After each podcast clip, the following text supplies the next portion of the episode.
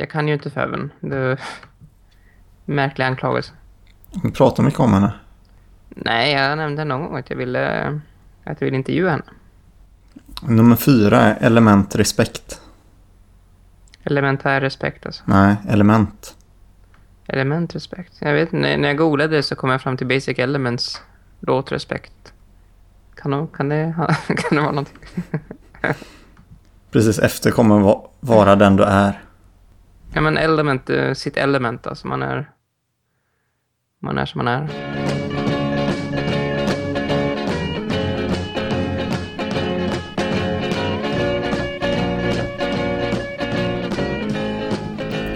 Hej och välkomna till Bokpalt igen. Som eh, har dröjt lite mellan avsnitten den här gången då. Nu varnade varnar vi ju för i början av sommaren. Och som vanligt så är det jag Rasmus och så är det Tobias. Så är det. Och eh, det börjar mer och mer fram, framgå att det här är en evig podd. Vi, är på avsnitt 34 nu. Mm. Det är en aktningsvärd ålder för en podd. Ja, det är det. Det är ju många som har fler avsnitt i och för sig. Ja, Men det är ju många som har färre också. Ja, det finns många så här spökskepp på iTunes. Alltså typ eh, där folk har lämnat däck och som bara glider runt med sina 8-9 avsnitt. Ja. Vi har ändå kört solid. Mm. Det kan vi vara nöjda med. ja, det trodde jag aldrig. Vi kan vara stolta men inte nöjda, kan vi säga. Ja, Ja, vi kan inte, ja, vi, vi, fortsätter helt enkelt.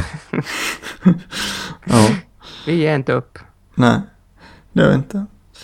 Idag så har vi läst eh, Love Hurts av Kim W. Andersson. Mm. Och Den det, första delen, för det har kommit en ny del. Men vi kände att vi ville ha lite mer kött på benen när vi tog oss an uppföljaren. Ja, nu hittar ju du bara på. Någon sån diskussion har aldrig funnits. Nej, men jag frågade ju dig eh, efteråt, efter att vi hade... Så ja, menar du den som kom i år eller menar du den första? Och då sa du... Nej, det känns ju bäst att ta den första. För Ja, men eh, det var, det var ju Love Hurts. Den andra heter ju Love Hurts 2. Som du valde mellan. Eller alltså, det, det var ju Love Hurts som kom upp som alternativ som, som du valde. Ja, Ja, absolut. Men jag tänkte att du kanske menar den aktuella därför att... eh, Ja, vi, vi läser ju ofta aktuella böcker. okej. Så tänkte du. Eh, men vi har alltså läst den första. Och Mm. det är en samling på 20 små historier. Kan man väl säga. Ja, det kallas väl för skräcknoveller tror jag på baksidan. Mm. Eller ja, tecknade serienoveller i gotisk stil. Romantiska skräckserier med humor nämns också, benämns också som. Ja, och det är det ju, tycker jag. Det, det är ju, varje sån här liten del är ju helt fristående. Alltså det, är, utspelar sig i olika tider och miljöer och karaktärerna är ju också helt olika mellan de, de olika delarna då. Det gemensamma temat är ju eh, att kärlek gör ont på ett eller annat sätt. Och det är ont som fan. Ja, Kan, kan jag säga först, eh, kan vi testa det här upplägget? Att jag berättar först en, en, en kort grej om vad jag gillar med den och sen en kort grej om vad jag ogillar med den. Och sen kan du köra samma grej. ja visst. Ja, det är så mitt koncept är i huvudet i alla fall. Mm, kör. Eh, först och främst, eh, konsten. Det, det, det är någonting vi inte pratar om särskilt ofta i Bokpalt för vi, vi har inte läst serier fram till nu. Eh, det är väldigt, väldigt snygga teckningar faktiskt. Eh, och eh, eh, Eh, det här med att det skulle vara serienoveller, alltså det, det är ju i den mån att, att eh, vi får bara se en kort glimt av ett större skeende. Vi ham- kommer in i medias resa, alltså mitt i en handling och sen så avslöjas det ofta någonting på slutet som man inte kände till. Alltså det, det är som inga längre berättelser, utan det kan vara två sidor, två, tre sidor, en av de här. Och det är ofta med en liten knorr på slutet som eh, skänker extra djup åt det hela. Eh, det, det kan jag uppskatta och jag uppskattar också att han rör sig mellan så olika, olika teman. Det finns ju fantasy här. Det finns en western-novell. Det finns en kung fu-novell. Det finns en, ja, vad finns det mer? Skräcknovell. Alltså det finns väldigt många olika teman och ämnen, olika genrer. Och det är spännande att bara få, få frossa lite grann i den populärkulturella sidan ett tag. Eller att i hans populär, populärkulturella kunnande. Och man märker att det är en, det är en person som, som uh, själv har frossat i det. Alltså han, är ju, han har smak, helt enkelt. Kim Dolby Andersson. Um, Okej, okay, det som jag inte riktigt gillar det är att jag tycker det känns... Uh, det blir lite kortfattat och lite övertydligt emellanåt. Alltså jag tycker inte att sluten är riktiga aha-upplevelser ofta. Eh, och sådär. Jag tycker inte heller att det är särskilt fiffigt utan det, det blir mer um, en sista grej för att chockera. Ja, den här personen var död hela tiden. Eller ja, så här såg det egentligen ut där. Alltså det, det är som samma upplägg rakt igenom nästan. Det är som ingenting som förvånar när man har kommit en bit in i boken. Jag känner väl direkt eh, när jag hade läst den första lilla novellen, om vi borträknar eh, om vi borträknar ramhistorien, det finns en ramberättelse som vi kan gå in på sen, men då finns det, det inleds med två noveller som där den första är en man som lämnar en kvinna mitt i natten. Han har varit med henne över natten. Och sen upptäcker han att hans hjärta är borta. Sen är det slut.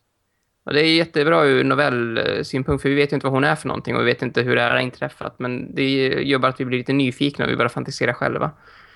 Och sen den andra berättelsen som det hela inleds med är eh, en kvinna som klagar på sin man som sitter framför tvn. Och så säger hon att ja, du vill ju aldrig göra någonting men jag ska i alla fall gå ut och dansa. Sen så stänger hon dörren och så upptäcker läsarna sen att ja, killen är död. alltså att det är en död man som sitter framför tvn och hon har tydligen ett rubbat förhållande till honom. Alltså det är liksom... Eh, det, det, blir lite, det blir lite ytligt och det blir lite kortfattat, allt för kortfattat. Det var ja. mina två grejer. Ja. Men alltså, vi läser ju inte det här nu som själva originaltanken för de här historierna eh, var tänkt. Utan detta är ju en samling av små noveller som har publicerats i Nemi tidigare. Och då blir det ju lite märkligt kanske när man slår ihop dem på detta sättet. När det inte var första tanken med dem.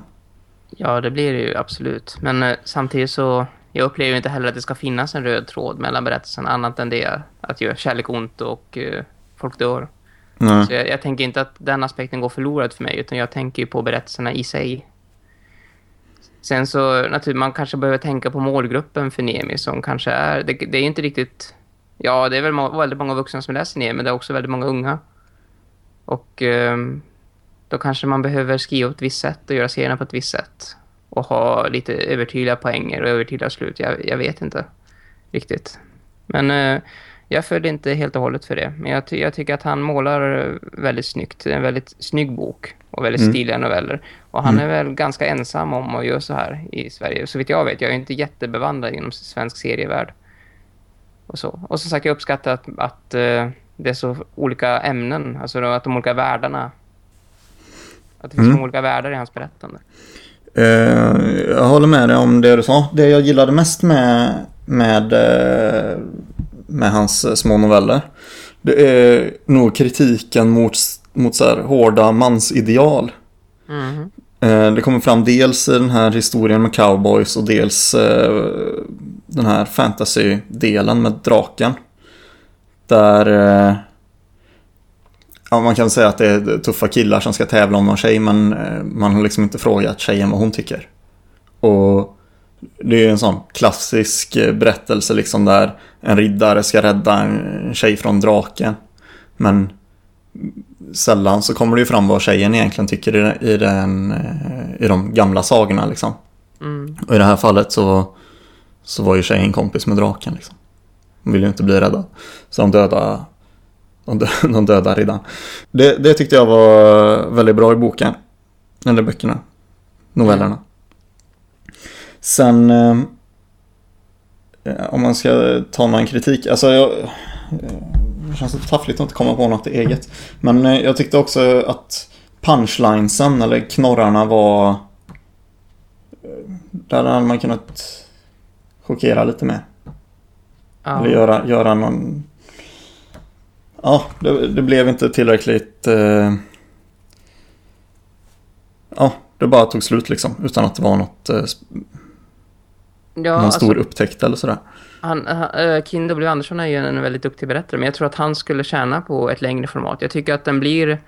Att uh, man känner att, att uh, till exempel den här berättelsen om om en eh, kung som söker efter den vackraste kvinnan i landet som han ska gifta sig med. Det börjar så lite klassiskt sagoaktigt. Mm. Och den är ju lite längre. Den är ju, i jämförelse med de andra, är ju kanske tre, fyra gånger så lång. Och ja. där tycker jag att, att berätta, där, där kan han tid på sig att sätta stämningen. Och han tid på sig att bygga upp någonting.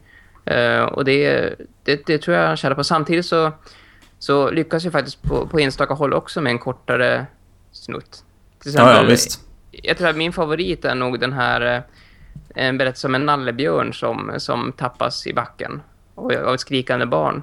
Och så Mm. är det en, en trollkarl på ett zoo, eller en cirkus, som, som gör honom levande. Och så får man följa hans liv sen med cirkusen utan att ett enda ord yttras. Alltså det är en dialoglös serie det. Ja. Det där tycker jag han lyckas riktigt, riktigt bra. Det kanske är just det att det inte är någon dialog utan att han, lå- han låter bara bilderna prata. Då blir det inte så övertydligt heller. Mm. Hade, eh, på tal om eh, nallar som börjar leva. Ja. Hade du sådana fantasier om dina nallar när du var liten? Eh, inte annat än det att jag tyckte Blade Runner var en jävligt bra film. och sen är vi lite äldre, AI. Det finns ju talande nallar i båda. Ja. Eh, nej, sen, vi hade en docka hemma som vi kallade för onda dockan som ingen ville ha. för då, eh, Chucky kan ju, kunde förstöra mm, vissa kvällar för barn på den tiden. Nu har ju barn uh, lärt sig vad som är sant och vad som är falskt kanske. Eller det är för dåliga effekter i Chucky för att skrämma någon. Onda dockan alltså. Ja, jag vet inte. Jag, men jag hade i alla fall eh, min så här, favoritnalle, Rasmus Nalle. Den var ju väldigt... jag, jag tycker, jag älskar att jag har döpt den till Rasmus Nalle alltså. Nej men det är det jag tycker, det är vansinnigt. Så att du, när du läser böcker så tänker du på dig själv i huvudrollen. Och när, du, när du döper leksaker så döper du till Rasmus. Det är någonting allvarligt fel här. Som du Eh, måste gräva i, i men-. Det var en liten, en liten vit nalle, eh, nallebjörn liksom. Eh, och den... jag vet inte om jag trodde det på riktigt, men det var, var ganska, ja men typ som en låtsaskompis i alla fall. Föreställde mig ganska ofta att den hade tankar och känslor och sådär. Men var det så att du ibland ville trösta Ra- Rasmus Nalle när du inte ville erkänna att du själv var ledsen egentligen? Så det blev som en projicering av dig, den här nallen.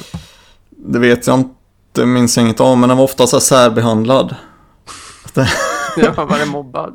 Nej, alltså så kallad positiv särbehandling då. När eh, jag tog bättre hand om den än den andra leksaker och nallar. Men en jävligt eh, kul grej där var, jag var ihop med, med en tjej som, eh, och då pratade vi om det, om hur man tänkte sig sina leksaker och nallar när man var liten. Och då sa hon att hon, hon var övertygad om att det var liksom som Toy Story. Att eh, leksakerna började leva när, när hon inte tittade. Så för, för att komma på dem så började hon tortera sina leksaker.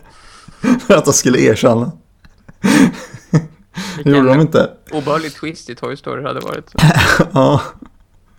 Jag tycker det är så jävla skönt. Barnen kan vara så grymma. Ja, jag har faktiskt aldrig sett Toy Story. Inte hela. Okej. Nej. Jag, jag, jag känner ju till Toy Story. Jag har sett typ snuttar därifrån och jag kan grejen liksom. Men Ja. Jag har aldrig sett. Har du sett hela? Ja, jag såg den eh, första när den kom på bio. Och sen efter det har jag inte sett någon mer. Var den bra? Jag tyckte det då. Men eh, det måste ju varit liksom 15 år sedan eller någonting. Nej, det måste varit mer. Fan, jag är snart 30. Det måste vara typ 20 år. Ja. Ja, du är ju gammal som gatan, men jag är ju inte det. Jag höll på att säga att jag kanske var för gammal för Toy Story när den kom. Men om du var 10 var jag 12. Nej, tvärtom. Va, va, vart var vi? Var Absolut inte tvärtom, men ja, jag, jag har ingen aning om när den kom, så jag bara drog till med en siffra där. Men min, fa min favoritnovell eh, i, i Love Hurt, som man ska återgå till den då, är ju den här eh, Kung Fu-scenen, de japanska tjejerna som slåss mot varandra. Jag tänkte att det var japanska för de hade såna här katanas och sånt, och det är väl mest man kör med det. Jag tror att eh, de har på sig... eh, nå, eh, alltså, har, har du sett filmen House of the Flying Daggers? Mm, kanske. Och- om vi kan ta reda vart den... Jag tror den är vietnamesisk. Så det kanske är så här eh, gamla vietnamesiska kläder. Eh, för där är ju faktiskt polisstyrkan klädd ungefär så. Okej. Jag tycker husen och sånt ser väldigt eh, japanskt ut. Om jag utgår från den, den lilla anime och, och så har jag sett. Så det kanske är en, en kinesisk story. De är ju klädda kung fu-klädda, då är det ju Kina. Okej. Ja. I alla händelser, den var min favorit. Då eh, slåss de ju och de kallar varandra förrädare och så här så kommer det fram i slutet att de, de är kära. Ja. Vad tyckte du om, om, eh, Alltså för det, det är ju en bok som, eller noveller, vissa av de här tar ju sig, diskuterar ju sig själva som konstform. Alltså till exempel den här skräcknovellen om tonårsgänget som är på en kyrkogård. Ja. Och så säger de, ja, jag är ju nörden och jag är ju rebellen och jag är ju den snygga. Alltså de är så medvetna om att det här är en scen i en skräckfilm eller en skräckserie. Ja. Vad tycker du om sådana drag? Ger det någonting? Eh, ja, alltså... Det kan du göra när det är sådana här korta inslag av det i, i fristående delar. Jag är inte så himla svag för den delen, men det, Mm. det hjälper ju... Alltså det är kul, man får ju som en, eh, en inblick bakom kulisserna lite grann. När, eh, när en berättare lite grann avslöjar hur en process går till. Och för, för många, om man tänker sig att detta riktas mot en ung publik så kanske man inte riktigt har reflekterat över vilka typer av roller och sånt som brukar finnas. Och då kan det vara lite skönt att få det utpekat för sig så. Ja, men jag, jag gillar ju filmer som har eh, glimten i ögat och ett sätt att ha glimten i ögat på det är att diskutera sig själv som konstform och diskutera typ klyschor som används. Till Mm. exempel, ehm, har du sett Guardians of the Galaxy som är på bio nu? Nej. Jag var såg den igår, den var faktiskt väldigt rolig. Det, ehm, den känns eh, lite, lite Star Wars-aktig, samtidigt som den känns lite Indiana Jones-aktig och eh, en smula tillbaka till framtiden. Alltså väldigt, väldigt bra grejer i den här filmen, helt enkelt. Eh, och då är det så där, det här, det här, eh, den här obligatoriska scenen när någon säger ja, jag kan inte begära er att dö för min skull, men, men eh, ja, uff, alltså det, och så säger en, en efter en jag har aldrig haft några vänner tidigare, jag kommer att kämpa för dig och ställer sig upp. Så är det nästa person i cirkeln. Ja, jag eh, vill också göra det här, det, det är på riktigt nu, det, jag, alltså, jag accepterar ansvar, ställer han sig också upp. Så här. Och så- Sagan har ingen eh, scenen liksom. Ja, precis, men den är ju arketypisk. Och så är det Ja. sist en person som tvekar bara, ja men, ja ja, okej, ja ja. Titta, nu står jag upp. Mm. nu är vi fem skitstövlar som står upp i ring. Så här, det vill säga. Och det är jättekul, för då... Nu försvann Tobias igen här. Ska vi se om jag kan lösa det på något vis. Hallå? Hej, hej. Ja, vi hade ett Skype-avbrott och Guardians of the Gal- Galaxy, vad sa de om den? Ja, jag berättade här att de ställer sig upp och det en som kommenterar sen att ja, vad fan gör vi det här för? Varför står vi upp egentligen? Och det, det är så himla kul när, när en film använder sådana där klyschor, för publiken älskar ju de klyschorna egentligen. Alltså det, är ju, det är ju formeln. Men samtidigt visar att de är med på skämtet. Alltså de, de inser att det här är klyschigt. Alltså det blir en diskussion mellan tittarna och filmskaparna och filmen. På något sätt. Och det, Mm. det, det tycker jag är väldigt, väldigt charmigt. Mm, men du kan också spräcka illusionen tycker jag. Ja, naturligtvis, det gör man ju. Man, man bryter ju, man, eh, man raserar ju en vägg liksom Mm. i berättelsen. Är det tredje eller fjärde väggen man kallar den väggen? När man börjar måste vara- prata med läsaren. Det måste vara fjärde vägen.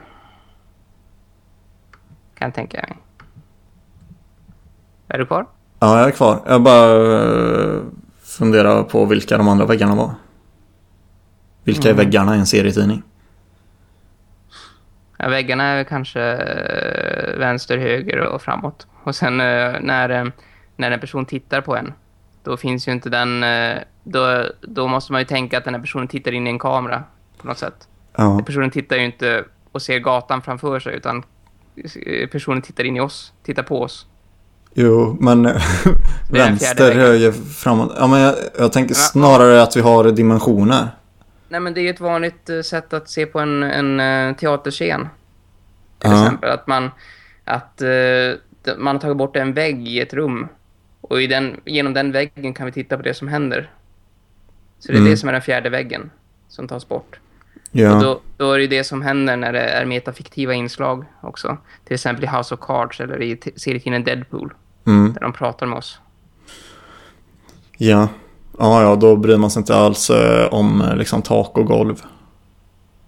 Jag tänkte Nej. det också kunna vara att det blir en fjärde dimension. Fast då kanske man hade kallat, ja, det låter inte så bra att säga att man spräcker 3D.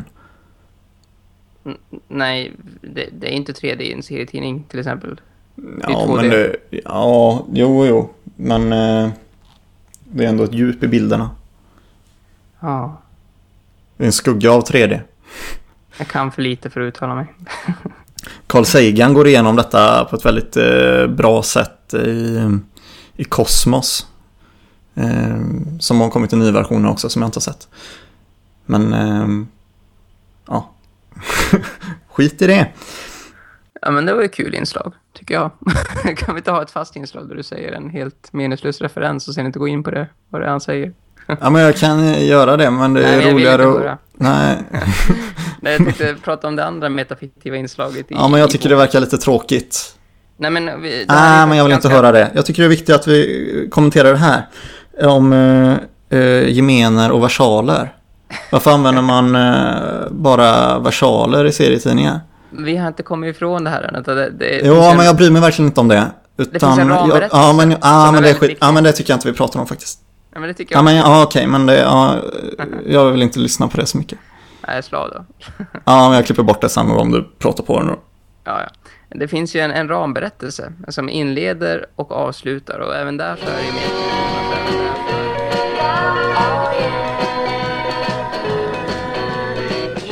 Så, då är vi tillbaka. Um, det här med versaler. Varför använder man inte stora små bokstäver? Det kanske, det kanske hör till formen på något sätt, till genren. Det har blivit en, en det har blivit tradition. Jag märkte Fantomen använder de också bara versaler. Ja, och knappt någon serie jag läst tror jag de har små bokstäver. Kanske lättare att läsa. Alltså det är inte så långa meningar som sägs heller så det blir inte krångligt att hänga med när det står med versaler. När det är korta budskap kanske det är lättare att läsa versaler. Ja, kanske. Men man förlorar ju... Ja, i och för sig man ritar ju ändå så här större bokstäver och så, men sen, eh, sen chatten kom till byn så har ju eh, stora bokstäver betydit att man skriker. Mm. Så man förlorar ju liksom ett, en aspekt av kommunikationen. Du tänker att de här skriker åt varandra? Ja, men det är, först, ja, det är första, min första reaktion när jag läser något med bara stora bokstäver. Att här är någon tror... som höjer rösten. Nej, men jag tror att man är så invand med, med mediet och att det är stora bokstäver så man, man gör inte den kopplingen riktigt. Jag menar, när jag började läsa serier så var ju inte chatten utvecklas. In, internet kom ju på allvar till Kiruna när jag var när jag var alltså när jag hade läst ett antal serietidningar i mitt liv. Mm. Och då, det var nog innan man började koppla stora bokstäver till att skrika. Men de små bokstäverna hade kommit till, till stan långt innan serietidningar. Ja, det hade de ju, men man hade ju inte använt det till direktkommunikation på samma sätt som man gjorde med internet sen. Nej. Så det var alltså ingen anledning att tolka det ena som skrik och det andra som inte skrik. Riktigt. Nej, nej, det gjorde det väl kanske inte.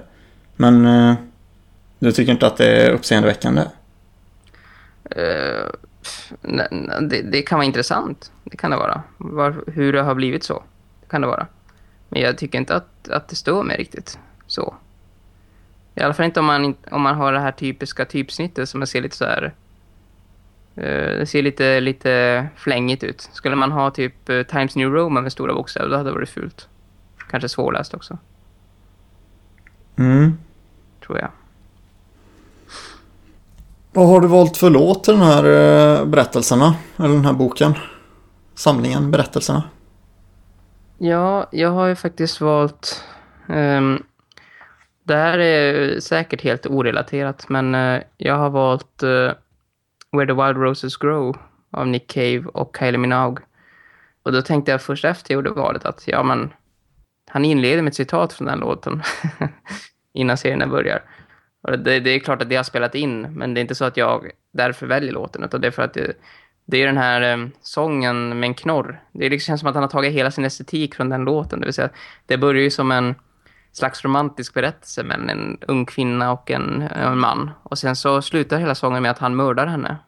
Vilket är ganska oväntat. liksom. Och det är en ganska läskig video också. Väldigt gotisk och, eh, och ryslig. Så så jag tycker att den låten eh, sammanfattar Love Hurts. Det skulle kunna vara en egen liten novell i Love Hurts. Mm. Absolut. Vad har du eh, Jag har valt uh, Heartbreaker av Led Zeppelin. Mm bra låt. Jävligt bra låt. Ja, det är det. Och förutom då själva titeln så har vi också en specifik rad för själva låten som helhet har kanske inte jätte, ja, lite grann med, med novellernas tema att göra. Men då är det en rad som är Some people cry and some people die by the wicked ways of love. Och det genomsyrar ju genomsyrar ju boken då att, det, att man får illa av, av kärlek på något vis. Ja, precis. Sen så är det också en, en rad längre ner som funderar lite kring. Som är ett ganska vanligt eh, så här, påstående eller pr- problemformulering i olika tv-serier kanske framförallt. Att man säger eh, eh, fel namn till den man ligger med. Alltså det här är något som dyker upp i Heartbreaker. Ja. Eh, då säger, eh, ja han som sjunger då säger att eh, hon säger fel namn på honom när de älskar med varandra. Mhm. Och då jag tänker bara så här, vem fan säger ens namn i den situationen? Ja, det känns ju väldigt, väldigt eh, amerikanskt på något sätt. Och så. Och väldigt eh, såpopera möjligen. Ja, för det, det är ofta det så här problemet kommer upp i olika eh, tv-serier och filmer och sådär. Ja, han eller hon sa fel namn. Känner eller?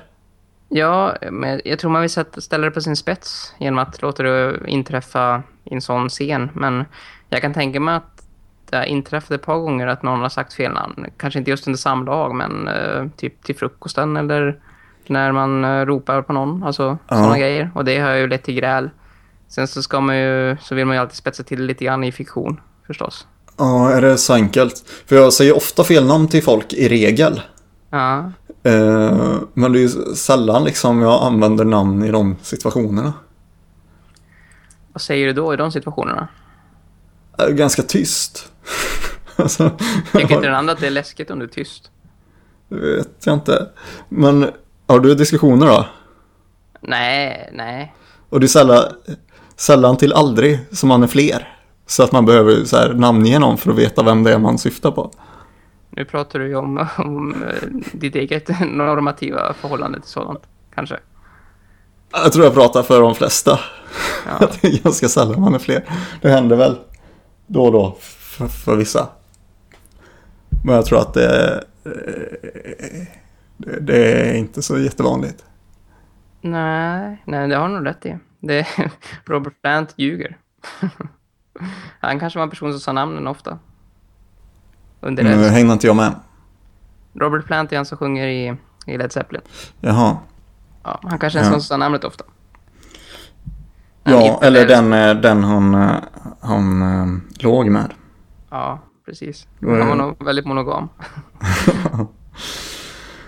Ja, nej, det var bara en sån så här klyschig grej som jag reagerat lite mot. Det finns ju andra kärleksgrejer, just, just i Love Hurts som, som jag inte riktigt eh, tycker är eh, helt rimligt. Som i den här ramberättelsen vi pratade om. Och när hon säger i slutet att, eh, att det är bara kärleken som man får tråna efter som är den sanna. Och det är då det är vackert. Det känns så himla... Det känns så himla stor mondrang och 1700-talsromantik. Det vill säga att man ska vara olyckligt kär och att det finns någonting vackert. Jag tycker inte alls det. Jag tycker att det är den olyckliga kärleken som är den fula kärleken. Alltså den som gör den som får folk att begå väldigt hemska handlingar och som, som gör att man mår väldigt dåligt och sådär. Den, den vackra kärleken är egentligen den besvarade kärleken. Det kanske, det verkar ju inte Alexander W hålla med om. Kim. Kim, just det. Alexander W Kim, förlåt. Ja. Ja, men jag vet inte. Jag tycker det ligger eh, mycket i det att, det, att man inte... Att det är lite så här yin och yang alltså. Om man eh, älskar och blir älskad så, så gör det också ont på ett eller annat sätt. Att bli älskad eller att älska, vad menar Ja, du? b- både och.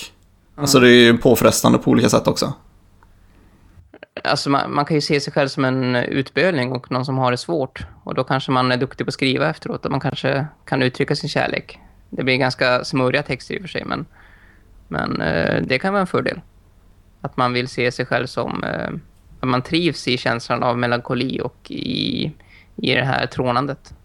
Mm. Men det tror, jag, det tror jag inte jättemånga gör. Jag tror att många är, är frustrerade och, och sorgsna. Ja, men det kanske är som en förhandling man kan göra. Man väljer eh, så här, ja, jag är mer produktiv och gör bättre grejer när jag har det svårt. Och det är värt mer än att ha det bra. Men är det då det är vackert som, som Alexander påstår här. Kim. Ja, Kim W. Alexander. Var fick du Alexander ifrån? jag vet inte. Jo, jag såg ett avsnitt av Louis Theroux. Där det var någon som sa att han var så här um, och gjorde en dokumentär om wrestlare i USA. Mm. Och så var det någon som sa Yeah, my, my, my stage name was Alex Wright. But, uh, but uh, people here, alltså typ folk ville ha en skurk istället så jag var tvungen att byta sin personlighet så nu är jag en bad guy istället. Ja, vad heter du nu då? Alexander Wright. så han hade bara lagt till Alexander istället för Alex. Det var hans nya scennamn. Okej. Men, så, det hade jag i huvudet. Antagligen Mm. därför. Så, så det kan gå? Ja, Dråpligt. Visste du att eh, Kim eh, har gjort eller håller på att göra Fantomen? Eller en historia om, om Fantomens dotter? Snarare. det är ju awesome. Mm. Ska hon bli den nya Fantomen? Jag vet inte, ser ut som det på, på de bilderna jag har sett. Jag har alltså. googlat. Finns ju möjlighet att de delar på ansvaret. Men jag tycker Heloise ensam ska bli Fantomen. Det vore coolt. Ja, jo men precis det är Louise eh, som, det, som det gäller. Mm. Jag undrar om, om folk kommer acceptera det. Jag menar, jag tänker mig att eh, Fantomen-läsare eh, det kan de vara de mest traditionsbundna läsarna i, i Sverige. Jag tänker just för att de hängt med i samma karaktär så himla länge. Ja. Jag var på, eh, på Karlstad Comic Con en gång. Och då var det en som höll på att skriva en, eh, jag tror att det var en doktors eh, uppsats, avhandling, vad säger man? Om eh, Fantomen. Och han var ju från Australien, så han var där och föreläste. Nu, nu är mina minnen lite eh, rostiga från detta, men det var lite speciellt med Fantomen för det har, Fantomen har blivit väldigt populär. Jag tror att det var i Australien, Indien och i Norden.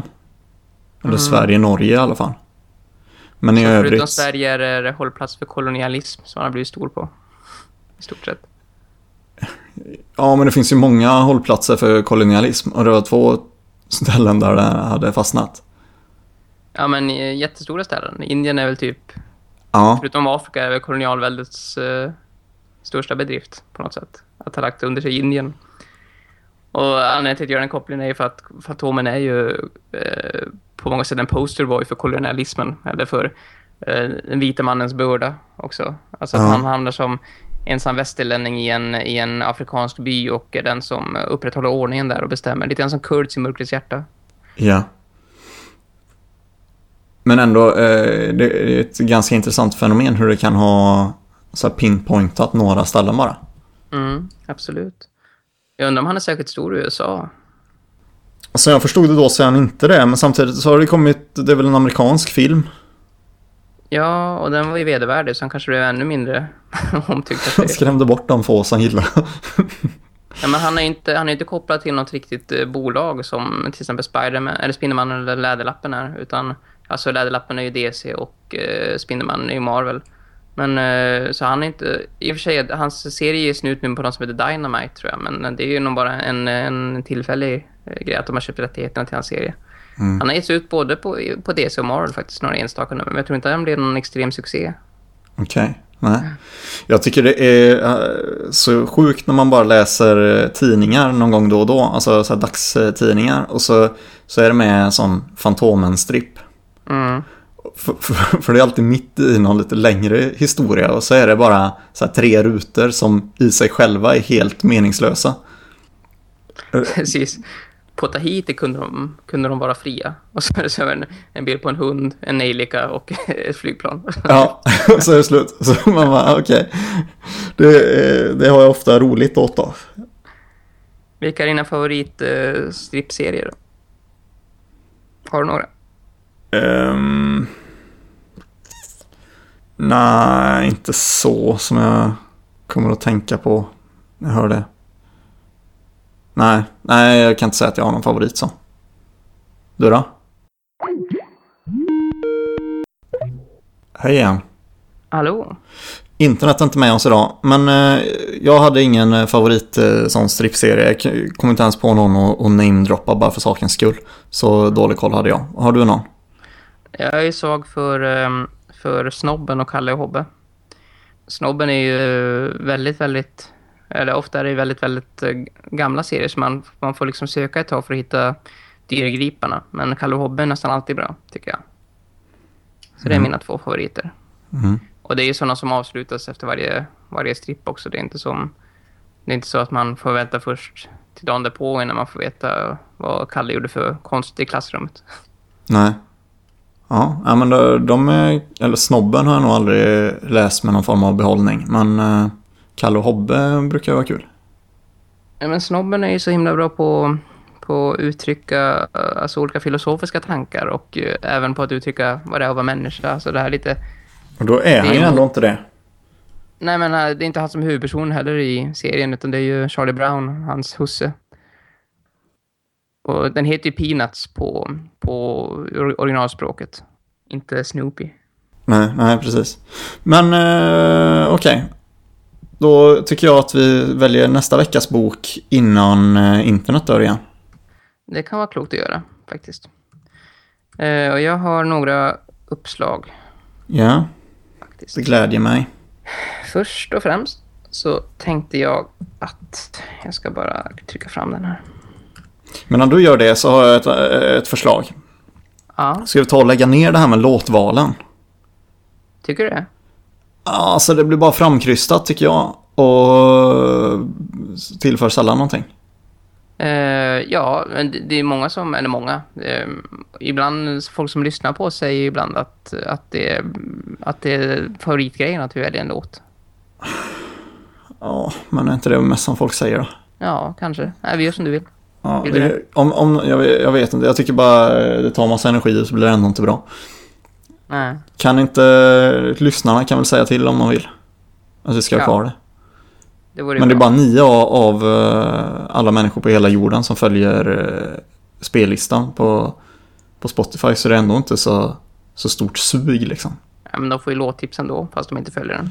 Ja, Ja, men det är bra att folk får gärna shouta till oss om de vill att vi ska ha kvar den så att vi får något slags incitament där. mm. Eh, ja, men första boken. eh, det, jag har lite särskilt tema nu den här veckan, du kommer märka, märka vilket. Uh, första är Asken Yggdrasil av Alf Henriksson. Och det är en uh, återberättelse av Eddans historier. Alltså de gamla uh, asamyterna och uh, sådär, nordiska sägner. Eh, han inledde med, med ska, uh, inte skapelse, men han inledde med att förklara hur universum såg ut enligt gamla asatron, till exempel det här världsträdet och Yggdrasil. Och så sen går han in på myterna och olika berättelser och han gör det väldigt charmfullt och väldigt fina teckningar med. Så Alf Henriksson är ju en favorit. Han är som en, en vad ska man säga, han är en folkbildare av rang. Mm. Mm. Ja, det finns på Intressant. ljudbok också ifall du vill lyssna. Då är det han själv som läser in den och han låter som en gullig gubbe. Men eh, var det inte bilder också? Ja, det var det, men de nämner han inte i boken. I ljudboken. Nej, Det är ingen bilderbok så, utan det finns illustrationer till. okej. Har du läst den? Nej, jag har, jag har bläddrat lite grann i den och så jag känt att det här vill jag läsa. Mm.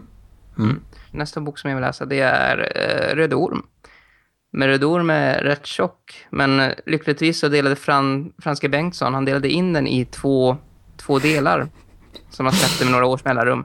Så jag tänker att vi kan läsa den första delen och sen ifall vi tycker att det verkar bra så kanske vi läser den andra i ett annat avsnitt.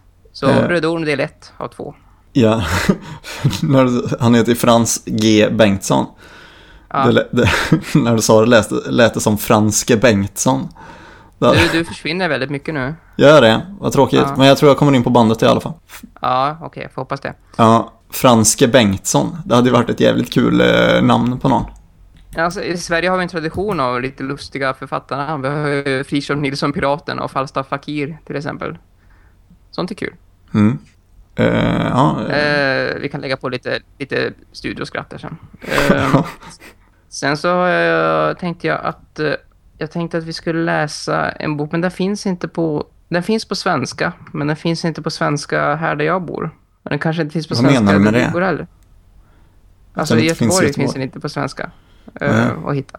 Jag undrar om det är så att jag bara har, jag kanske bara har sett den svenska upplagan på GP som recensionsexemplar. Jag måste kolla. finns den på engelska då? Ja, det finns den. Eh, Sånt här kan eh, du ju till exempel reda i lite innan vi börjar spela in. Ja, Jo, men jag tar dagen som den kommer. ja, men den ska finnas ute på svenska i alla fall. Den heter Religion utan Gud. Och den är skriven av Ronald Dworkin. Och det är en, en text som han skrev... Eh, jag tror att han är... Att han, jag kanske säger för mycket nu, men jag tror att han är död. Och att det här är typ hans sista, hans sista verk. Och där han går igenom att, att den, sortens, eh, den sortens tro på tillvaron och den sortens känsla att livet har meningsfullhet. Att det finns en mening med livet. Att det är någonting som vi behöver och det är därför vi har bildat oss religioner. Men att man lika gärna skulle kunna behålla det utan att ha en himmelsk gestalt som man tror på. Det är liksom hans tes, så vet jag har förstått det. Och det tyckte jag verkade spännande. Den tar vi, sa polisen. Den tar vi, ja. Sa du det? Ja, det var det jag sa. Okej, vi tar den. Det Okej. var det jag sa att polisen sa till och med. Vad bra. Eh, Ska vi se om jag kan få ta på den på svenska. För jag vill gärna, eftersom det är en lite tyngre filosofisk text antagligen, vill jag gärna ha den på svenska.